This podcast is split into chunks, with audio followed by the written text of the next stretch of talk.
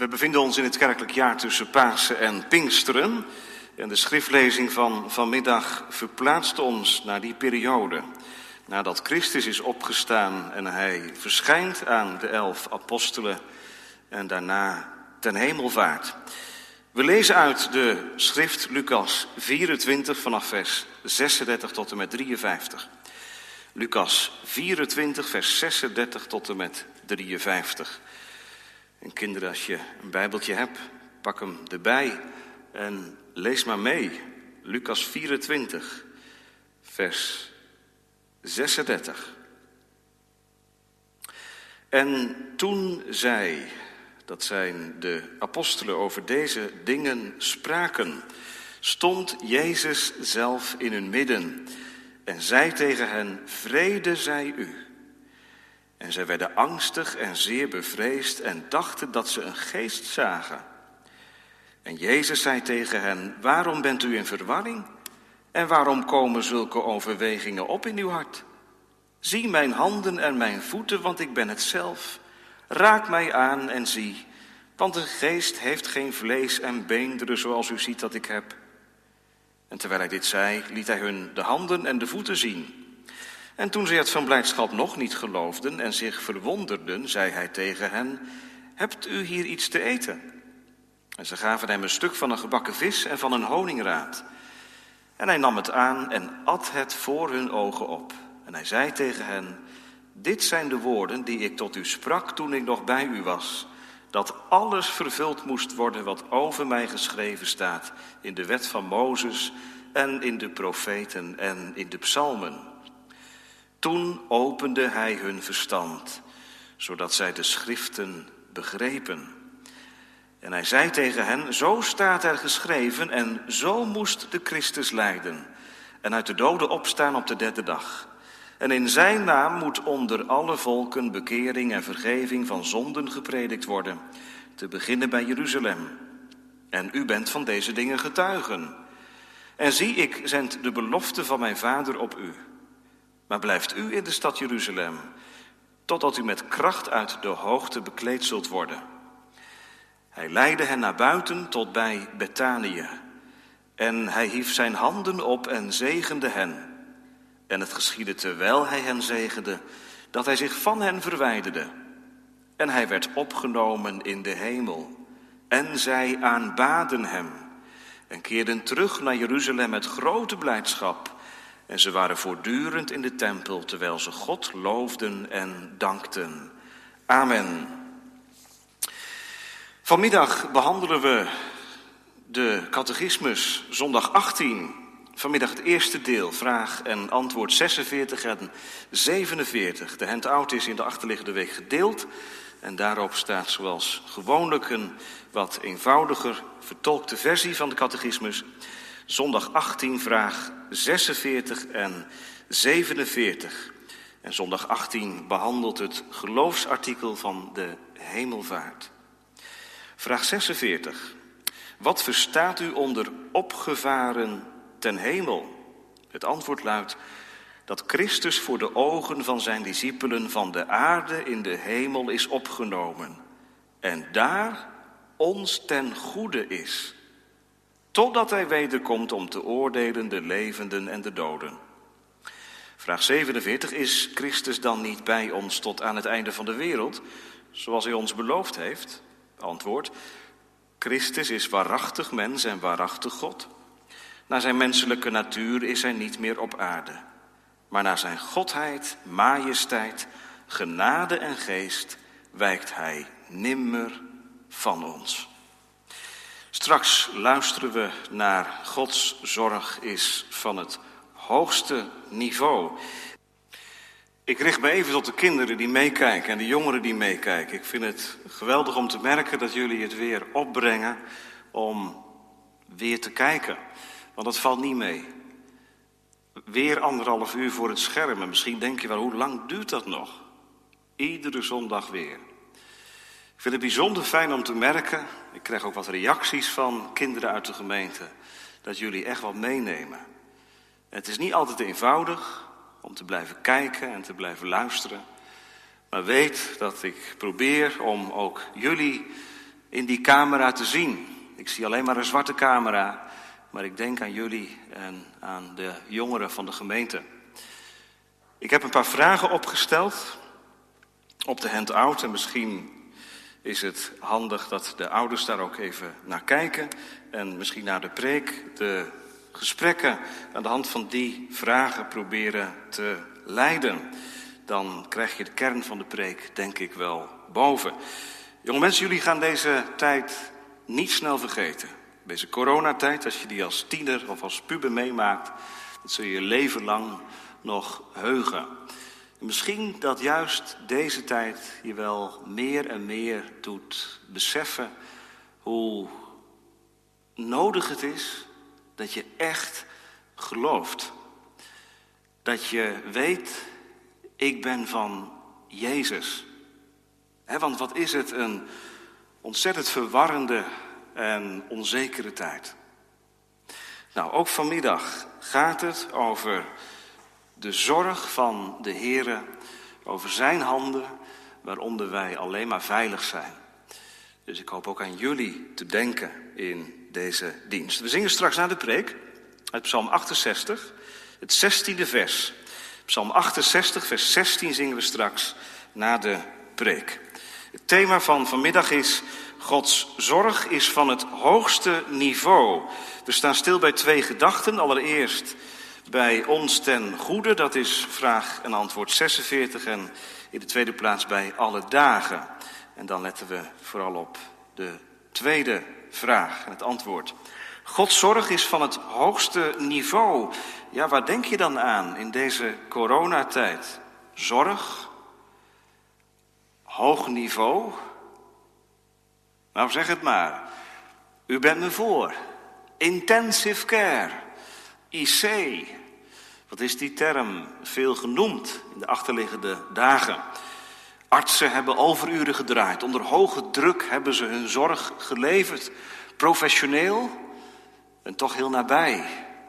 Misschien hebt u gehoord van die arts, die Armeense arts, Gor Katsikian. Ik hoop dat ik zijn naam goed uitspreek. Hij staat een beetje symbool de laatste tijd voor iemand die professioneel hulp verleent en tegelijk heel betrokken is vanuit de christelijke overtuiging, dienen wil.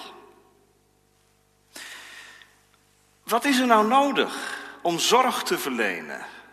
Nou, dan heb je heel veel dingen nodig, maar het allereerste, het allerbelangrijkste is wel dat je dichtbij kunt komen. Zorg op afstand, dat is beperkt. Maar als je nou dichtbij komt, desnoods in beschermende kleding, ja, dat is nodig. Daar heb je wat aan.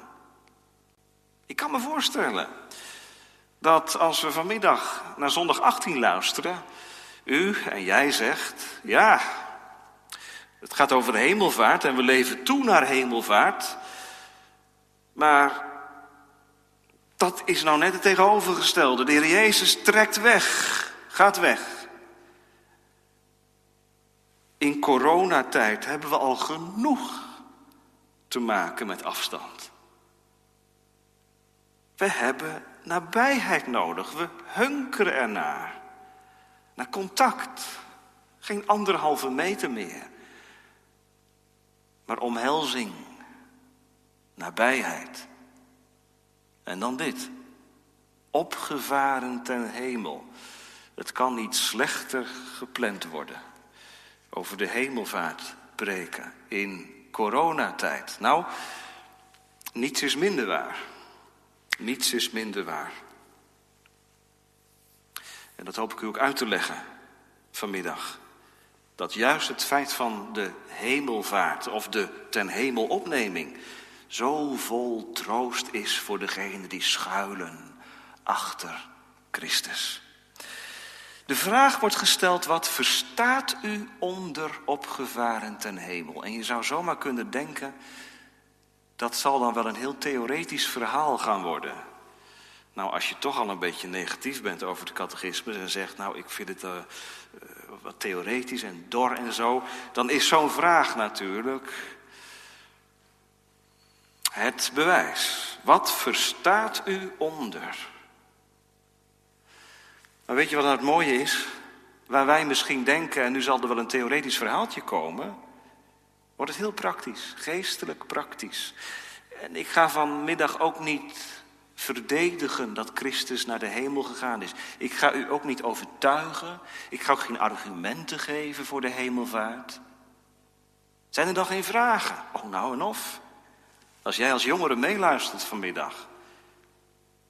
En als je een beetje doordenkt en je hebt natuurkunde gehad. En je bent exact aangelegd. Dan zeg je, dominee, hemelvaart? Kom. Denk je echt dat er iemand door de dampkring heen gaat? Zonder te verbranden? Dat kan natuurlijk niet, hè? Als een raket gelanceerd wordt van de aarde naar de ruimte, dan heeft hij bescherming nodig om ongedeerd aan te komen bij de maan of een andere planeet. Hoe kan Jezus nou opvaren naar boven? Ja, voor je het weet, eh, ben je beland bij de spot, hè? Weet je wat ik er iemand zei die op de maan geweest is? Spottend zei ik ben Jezus niet tegengekomen hoor, op de maan. Echt niet. Fabeltje.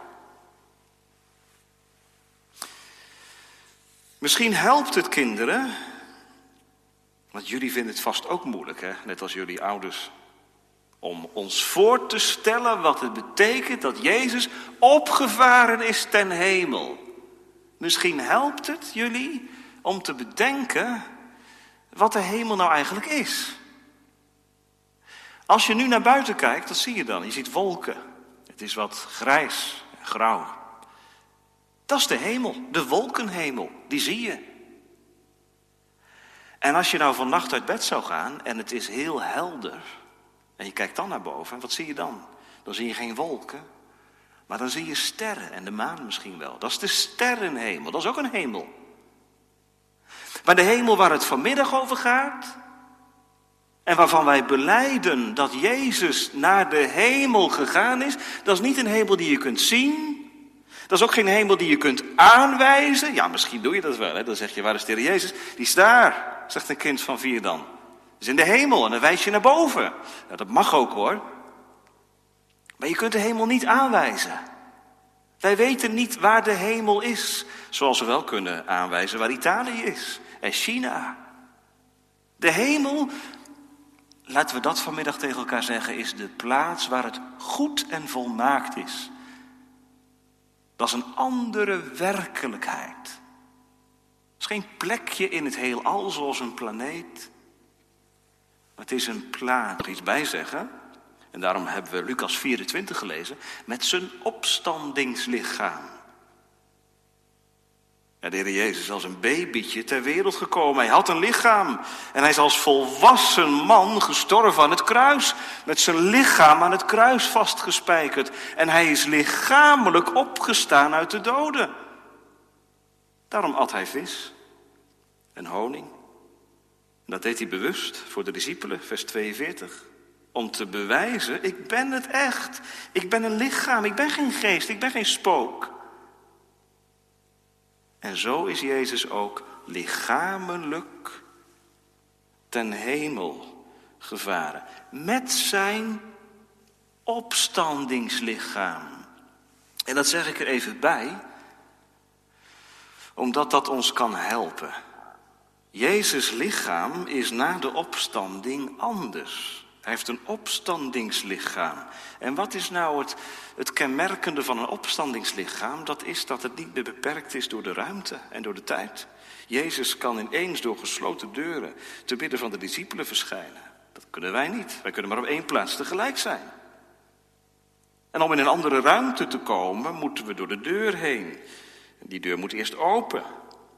Jezus' opstandingslichaam, dat is een lichaam zonder beperking.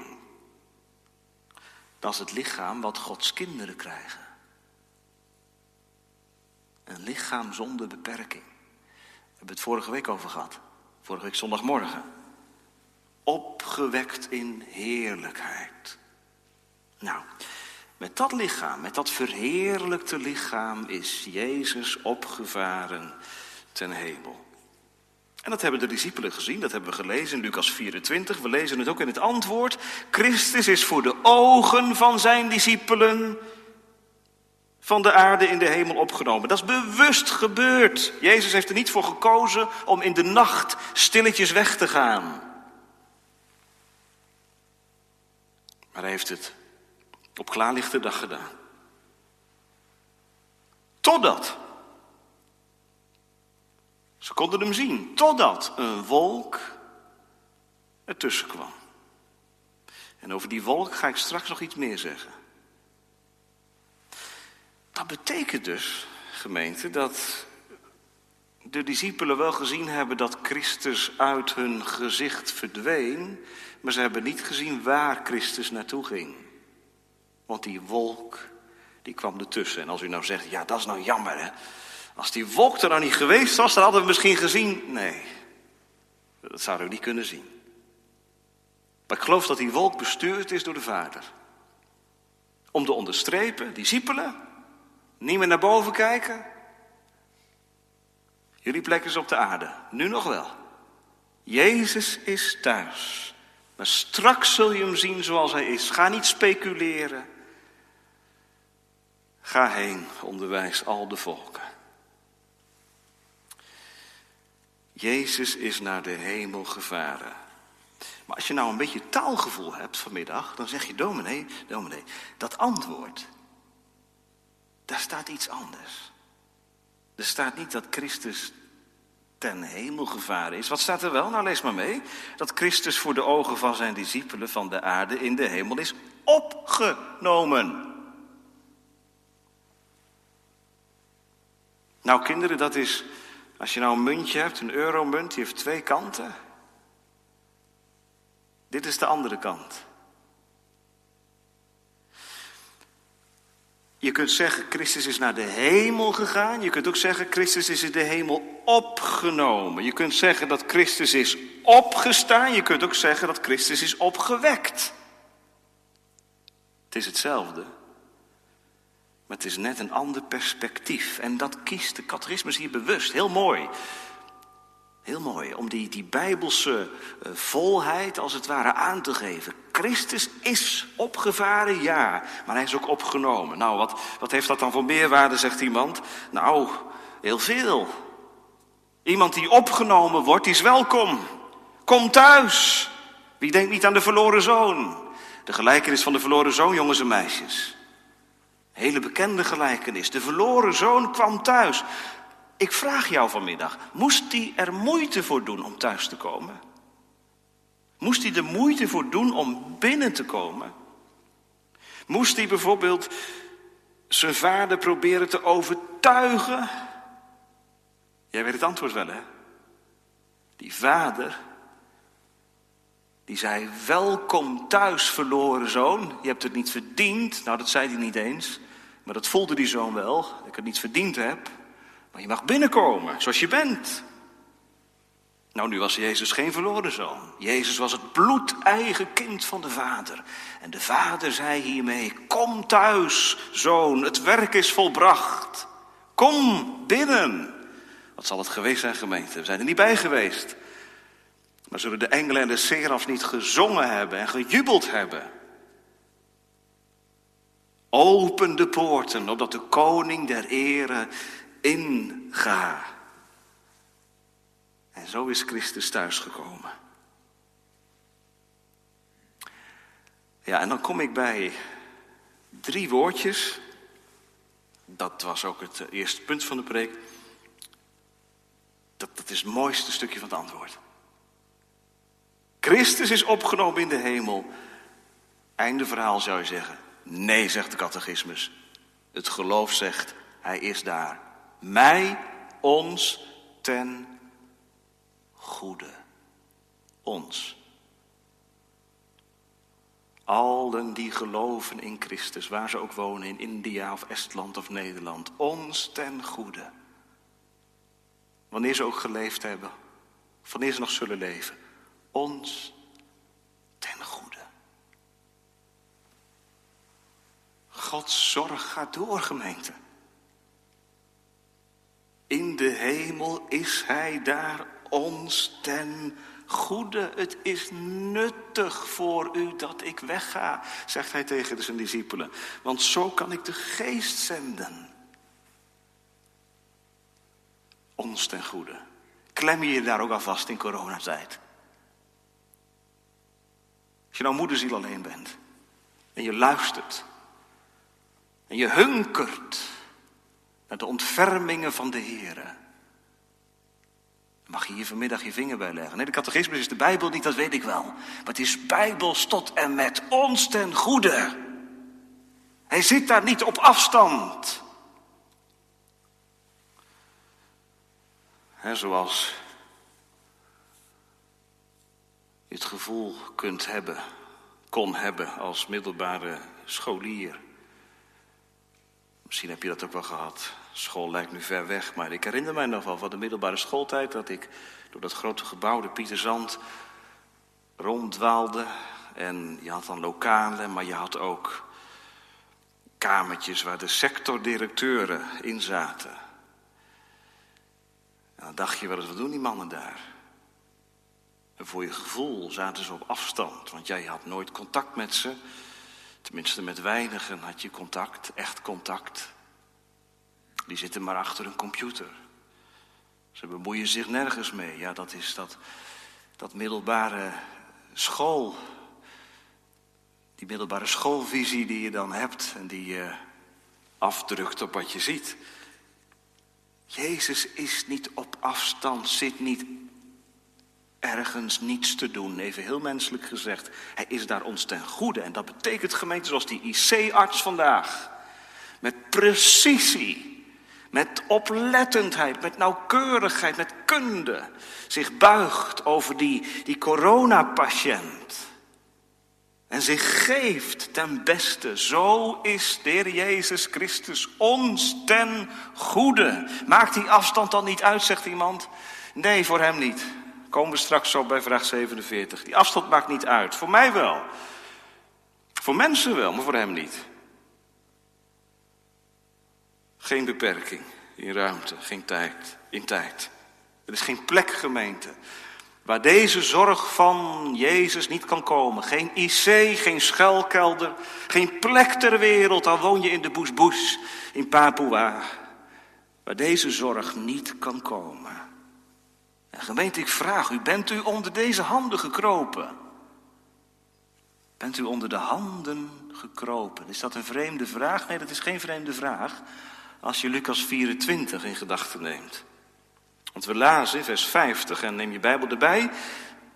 Hij leidde hen naar buiten, hij hief zijn handen op en zegende hen. En het geschiedde terwijl hij hen zegende dat hij zich van hen verwijderde en hij werd opgenomen in de hemel. Ziet u dat? Zegenend. Zijn handen uitspreidend is Jezus naar de hemel gegaan. Niet met een gebalde vuist. De discipelen zagen ook niet de rug van de Heer Jezus. Ze zagen zijn handen en in de handen de littekenen van het lijden Jezus is al zegenend weggegaan. Die discipelen, die er niet waren op het moment dat ze er moesten zijn. Die de meesten zo tegen hebben zijn gevallen. Die discipelen, verloste zondaren. Het laatste wat ze zien van de meester. Zegenende handen. En met dat plaatje mogen ze naar huis, mogen ze de wereld in zegenende handen. Het laatste wat je ziet of hoort van iemand die je heel dierbaar is en die overlijdt, dat draag je altijd met je mede. Jaren later kun je er nog over vertellen. Het laatste wat hij zei was. Of het laatste wat hij deed was. Mijn, mijn hand vastgrijpen. En daar lag zoveel liefde in. Gemeente, ik verkondig u vanmiddag in de huizen, hier in de kerk, in uw huis. En Jezus, die ons ten goede daar is. En als je onder die handen gekropen bent en zijn bereik is zo groot, daar kan iedereen bij. Dan mag je dat meemaken vanmiddag. En gemeente, deze tijd waarin wij leven, deze crisistijd, weet je wat voor tijd dat is? Dat is de tijd totdat hij wederkomt om te oordelen. Lees maar door het antwoord. Totdat. Jezus is daar in de hemel ons ten goede, totdat. Geen moment uitgezonderd. Zie, ik ben met u al de dagen. Al de dagen. Gemeente, dat is dus genadetijd.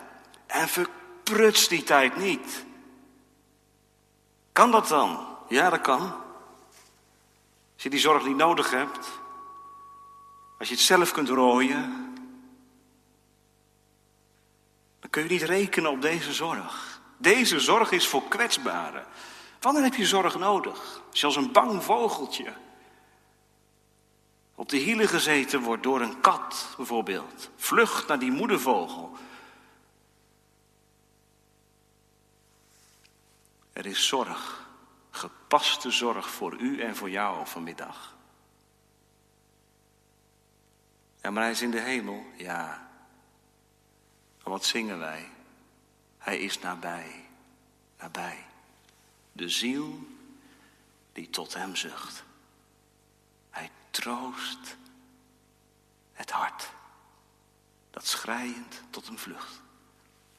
En niemand, er is nooit iemand geweest die dat gedaan heeft, dat geprobeerd heeft en, en niet deze zorg van, van de Heer ervaren heeft. En gemeente, dit, dit help je er doorheen hoor, echt waar. Ook door deze tijd. Al leid je verlies, en ik heb misschien makkelijk praten, maar zo bedoel ik het niet. Dit haalt je er doorheen. Deze week, dodenherdenking, bevrijdingsdag. De verhalen, die worden weer levend. Van degenen die in de oorlog alles verloren. De meest gruwelijke dingen hebben gezien van heel nabij. Hoe hebben ze het volgehouden? Hoe hielden christenen het vol? Omdat ze geloofden. Ik ben met u al de dagen. Totdat hij wederkomt om te oordelen de levenden en de doden. Gemeente, hij is daar ons ten goede. En het is echt eigen schuld hoor. Echt eigen schuld als je deze zorg van hem niet nodig hebt. En zegt, ja, het is misschien het is niet voor mij. Wie zegt dat? Wie zegt dat? Betwijfel je deze zorg? Als het een worsteling voor je is, weet je waar je dan moet zijn? Dan moet je bij Hem zijn. Bij Hem die in de hemel ons ten goede daar is. Ja, maar dat is toch de taal van het geloof, dat is het ook. Dit is de taal van het geloof. En weet je, dat woordje ons, hè, dat is heel inclusief. Maar daar mogen vanmiddag meer mensen bij horen hoor. Zo ruimhartig is de Heer wel. Hij is niet zo karig als, als ik. Hoe meer erbij horen, hoe meer onder die handen gaan schuilen, hoe, hoe heerlijker het wordt. Ons ten goede. Totdat Hij terugkomt. Ja, daar gaat het naartoe. Daar gaat het naartoe. Onze tweede gedachte. Alle dagen. Alle dagen.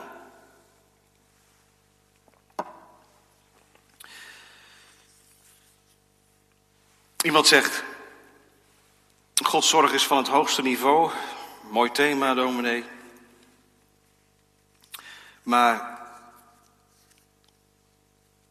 was die toch maar dichterbij? Leefde ik maar in de tijd dat de Heer Jezus op aarde was?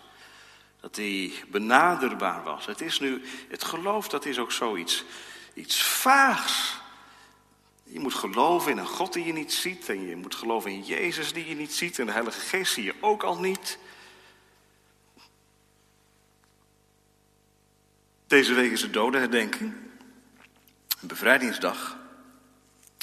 En onze gedachten gaan terug 75 jaar geleden naar de oorlog. En Misschien weet u dat dat in het begin van de Tweede Wereldoorlog in 1940 koningin Wilhelmina gevlucht is vanuit Nederland naar Engeland. Dat deed ze omdat ze zich niet veilig voelde meer in Nederland. En sommige mensen hebben dat als verraad gezien aan het Nederlandse volk. Koningin Wilhelmina, onze koningin, vlucht weg. Wat laf. Maar het was niet laf. Want wat deed ze op afstand? Via Radio Oranje.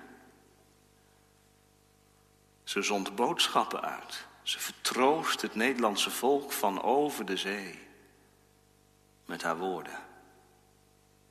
Ja, nee, de koningin was niet in Nederland. Ze was ver bij ons vandaan en tegelijk klonk ze ineens heel dichtbij. Haar stem, die werd gehoord. De Jezus is niet uit pure noodzaak vertrokken van de aarde. Nee, hij kon het doen omdat het werk klaar was. En omdat hij op grond van zijn werk terug kon keren naar huis. Maar dat betekende niet dat het werk op de aarde dan maar, dat hij de boel de boel liet. Om het maar even heel menselijk te zeggen. En weet je dat daar ook een bewijs voor is in de Bijbel dat dat niet zo is? Ja, eigenlijk is de Bijbel natuurlijk vol, vol bewijzen dat, dat God nog steeds werkt en dat, dat Heer Jezus zijn, zijn werk doorzet. Maar misschien is het mooiste voorbeeld wel het boek wat Lucas hierna schrijft. We hebben samen gelezen Lucas 24.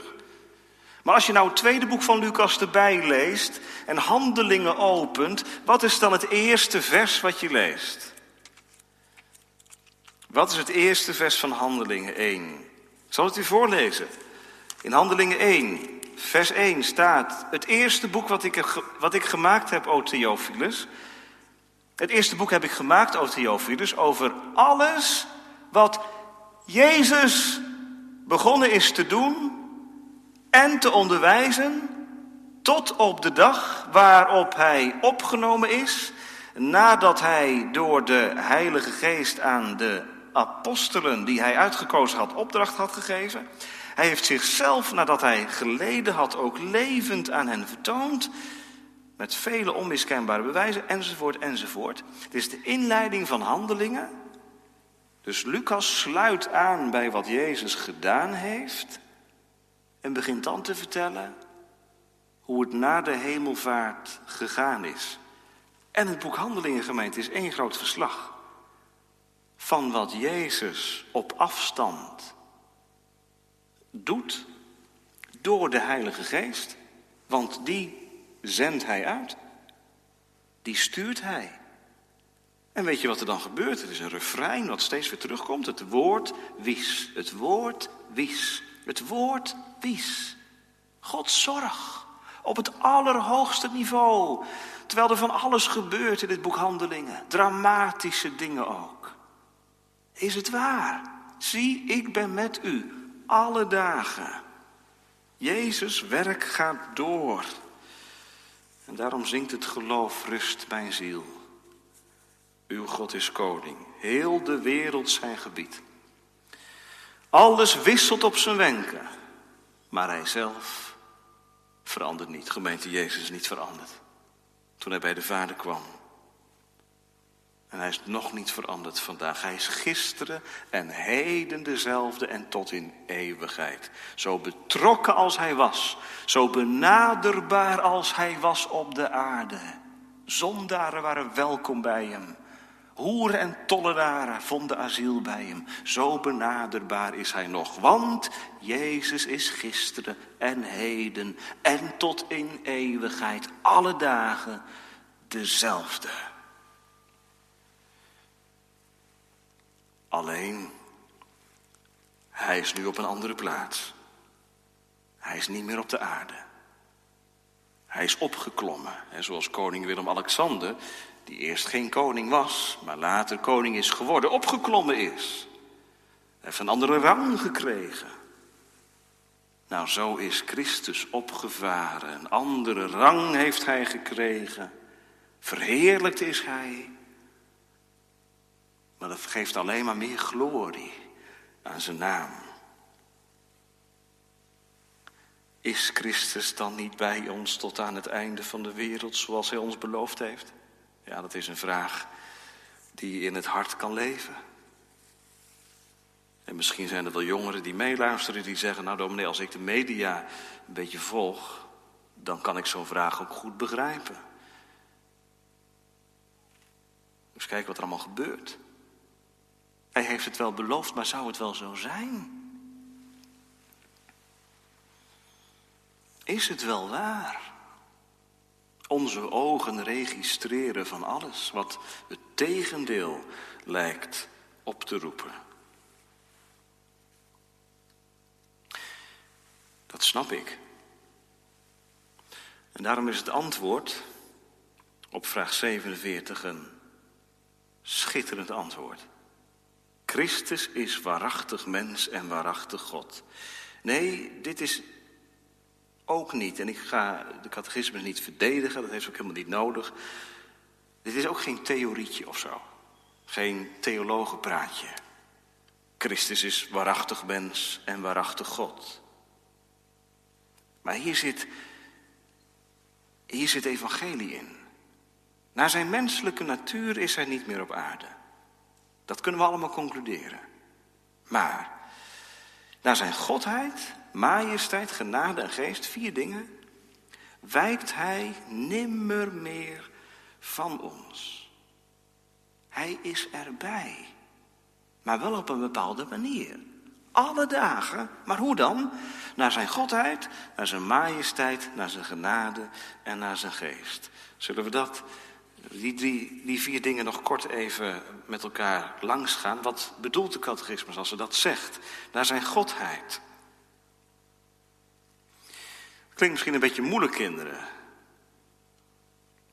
Maar zoals Jezus wandelde op de aarde 2000 jaar geleden, zo was hij daar als mens. Je kon hem zien, je kon hem aanraken. Maar Jezus was niet alleen mens, hij was ook God tegelijk. Naar zijn menselijke natuur was hij op aarde, maar nu is hij als mens weer in de hemel bij zijn vader. Is de aarde leeg? Kunnen mensen hier zomaar alles doen wat ze willen? Nee. Naar zijn godheid wijkt hij nimmer van ons. Naar zijn godheid. Dat betekent dat er dat hij op alle plaatsen tegelijk kan zijn. Bij die christen in India die gemarteld wordt. Bij die christen in Amerika die op moet boksen tegen zoveel sceptische collega's. Bij die christen die vanmiddag meeluistert en die van zijn vrienden allerlei verwijten krijgt. Corona en dan nog je Bijbel lezen, Bijbel goed bij je hoofd. Had God het niet kunnen voorkomen? Naar zijn godheid wijkt hij nimmer van ons. En weet je wat ik dan stiekem denk, en jij misschien ook wel?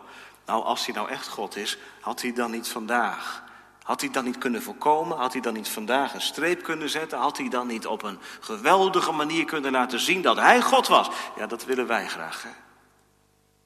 De vuist op tafel op een geweldige manier laten zien dat er maar één God is. Maar dat is niet de stijl van de God van Israël. Lees het Oude Testament. En dat is niet de stijl van de God van het Nieuwe Testament. Dat is niet de stijl van de Heer Jezus. Naar zijn godheid wijkt hij nimmer van ons. Hij vertroost in de verdrukking. Hij bewaart niet voor de verdrukking. Laat God het allemaal gebeuren? Nee. Maar wij mensen hebben wel ontzettend veel speelruimte. En dat betekent ook dat wij elkaar vreselijk veel kunnen berokkenen. En op een onbeheerste manier ervoor kunnen zorgen dat er, dat er doden vallen en slachtoffers vallen. En toch, Naar zijn godheid wijkt hij nimmer van ons. Dat is het geloofsperspectief. Hoe komt het, jonge mensen, hoe komt het dat een christen in het dal van de schaduw van de dood, aangevochten, angstig, toch Psalm 23 leest en die belofte aan zijn hart drukt. U bent met mij. Al ga ik door het dal van de schaduw van de dood. Hoe komt dat? Omdat dit waar is. Christus wijkt naar zijn godheid niet meer van mij. Ook naar zijn majesteit wijkt hij niet van mij. Majesteit. Wat is majesteit? Ja, opnieuw denken wij dan aan grootheid, aan, aan iemand die op een geweldige, spectaculaire manier indruk maakt. Majesteitelijk zeggen we dan. Maar wat is Gods majesteit? Dat is dat hij op zijn wijze diepe eerbied, diep respect afdwingt door zijn woord. Dat vooral, door zijn woord. Ja, God kan spreken op majesteitelijke wijze in de natuur. Maar hij doet het vooral door zijn woord. Matthäus 28 eindigt met de laatste woorden aan de discipelen. Zie, ik ben met u al de dagen. En dan zegt de Jezus niet, nou, en als jullie dan de wereld ingaan, dan zal ik ervoor zorgen dat de een naar de ander versteld staat van wat jullie allemaal niet kunnen. En er zal een enorme toestroom zijn van mensen en het evangelie zal geweldig explosief. Wat gebeurt er nu in de wereld? Met het jaar komen we dichter bij de wederkomst van Christus, omdat meer volken bereikt worden. Met het evangelie. Hoe gebeurt dat? Op Gods wijze. Niet op onze wijze, niet met tamtam. -tam, maar op Gods verborgen wijze, dwars door het tegendeel heen, kruisgewijs, paradoxaal. Terwijl er bloed vloeit en tranen vallen, ook in je eigen leven. Hoe leidt God zijn kinderen? Wonderbaar. Niet van glorie naar glorie. Niet van halleluja naar halleluja. Maar door de dalen heen. Naar de bergen en dan weer een dal. En in de dalen, in de dalen is hij erbij. En ervaar je zijn nabijheid. En als je het niet ervaart, dan blijft het woord over. Heer, ik roep u aan in mijn angsten. Wees mij genadig. Wees mij genadig. Onze derde, ons derde woord. Naar zijn genade wijkt hij nimmer van ons. Oh, wat een troost voor ieder die in Christus is. Die genade van, van God is, is nooit afgesloten. Ik kan het soms zo moeilijk geloven. En ik ervaar het ook niet altijd. Maar die genade is er, is voorhanden. Naar zijn genade wijkt hij nimmer van ons. Die genade is altijd beschikbaar. En ik mag God erom aanroepen. En hij geeft het zo graag. Genade. Zicht op de levende. Hoop op de toekomst. Vol mag houden. En daarvoor is ook de geest uitgezonden. Het vierde woord. Na zijn geest wijkt hij nimmer meer van ons. En wij voelen allemaal aan vanmiddag. Ja, dan gaat het over Pinksteren. Dat is de Heilige Geest. Hij zendt de Heilige Geest uit om zijn kerk op aarde, zijn kinderen op aarde, ervan te doordringen. Het gaat goed en het blijft goed gaan. Het gaat heen naar de wederkomst. En met de dag komt het dichterbij. Hoopvol. Die geest die drukt niet naar beneden, maar de geest die wil naar boven trekken. Zonde trekt naar beneden. De geest trekt naar boven en naar voren. Die hoopvolle toekomst, dat nieuwe wat komen gaat. Ja, daar heb je heel veel oefening in nodig, hè? Herken je dat? Dat is ook Gods zorg hoor. Dat je preken hoort, dat je dagboekstukjes leest, Dat je liederen hoort die je prikkelen om die nieuwe toekomst te verlangen. Om je wakker te schudden als je buiten Christus bent. Dat is de Heilige Geest. En de Heilige Geest zorgt er vooral voor in de levens van christenen dat ze zich vast mogen klampen aan Hem. Dat twijfel en vrees wijken en dat zekerheid groeit en bloeit. Gelooft zij God met diepst ontzag dat Hij zo zorgt. Dat had ik niet kunnen bedenken. En daarom dank ik Hem ervoor. Van deze zorg van het hoogste niveau. In de diepste dalen van mijn leven. U bent goed, heren. En daarom vlucht ik, net als David in Psalm 57. In de spelonk. Ik verberg mij onder de schaduw van uw vleugelen. En door de Heilige Geest ervaar ik het ook. Ik mag schuilen in zijn tent, in het verborgene. Hij is nabij. Gemeente, zo is hemelvaart geen stapje terug, maar een stap vooruit. Een geestelijke zegen tot heerlijkheid van God. Amen.